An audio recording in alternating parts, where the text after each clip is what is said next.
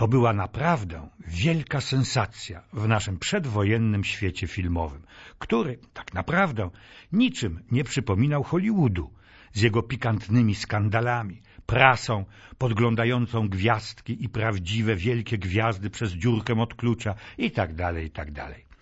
Tą sensacją był niezwykły romans, a właściwie wielka miłość naszego ulubieńca publiczności, amanta, aktora, ale też scenarzysty, reżysera i producenta Eugeniusza Bodo.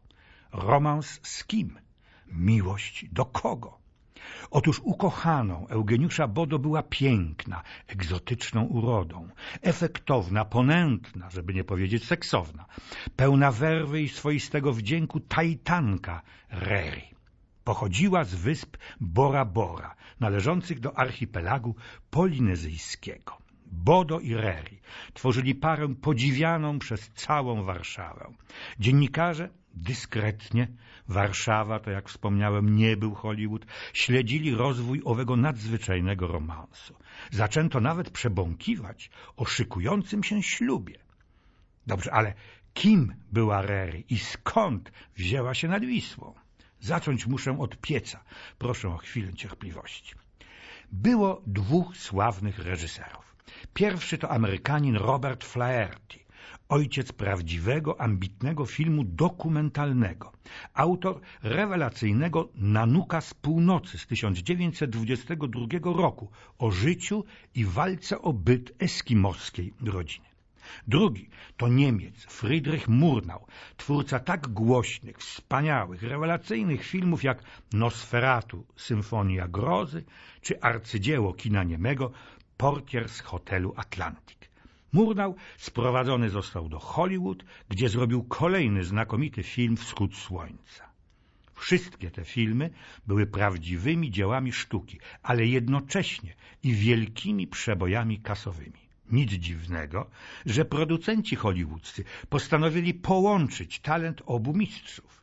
Różne oni mieli jednak charaktery, różnie podchodzili do realizacji filmu, różne elementy uważali za ważne. Doszło do konfliktu. Dokumentalista Flaherty się wycofał, fabularzysta Murnał sam film skończył.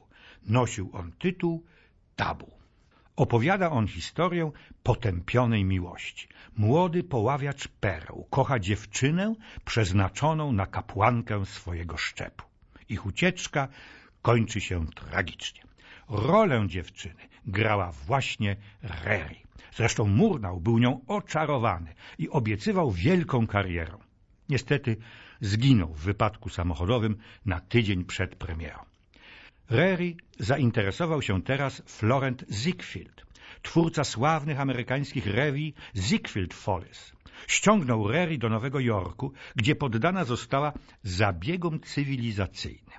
Uczono ją intensywnie angielskiego i francuskiego, właściwego zachowania, nadano jej światowy wygląd i tak dalej, tak. Po czym wraz z zespołem muzycznym występowała Reri najpierw w USA, a potem wysłana została w świat. I tak pewnego wiosennego dnia roku 1933 pojawiła się Reri w Warszawie. Prasa donosiła.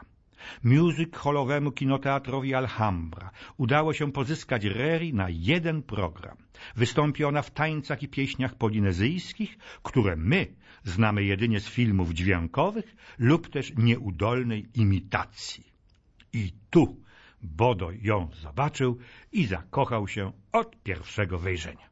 Jak wspominają świadkowie, Bodo zaproponował Reri pozostanie w Polsce i pracę u niego.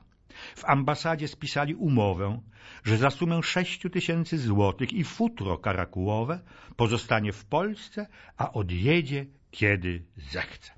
Bodo napisał dla niej scenariusz filmu Czarna Perła, ten film to oddzielna opowieść. Oboje zagrali oczywiście główne role. Bodo napisał też dla Reri dwie piosenki. Jestem pewien, że wrócisz i dla ciebie chcę być biała. Niestety, Bodo kochał, ale jego pasją była praca, był film. Reri na dobrą sprawę nie miała nic do roboty. Jak pisano o niej, dziecko, duże, ładne, wesołe, naiwne dziecko. Lubi namiętnie lalki, pajacyki, perfumy i dobry koniak, który widać potrzebny jej jest dla podtrzymania słabnącej przy takim trybie życia energii. A Bodo nie pił, a kobiet pijących alkohol wręcz nie znosił. Usiłował odciągnąć Reri od alkoholu. Bez rezultatu.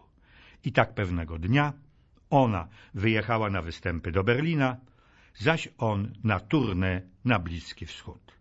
Więcej się już nie spotkali.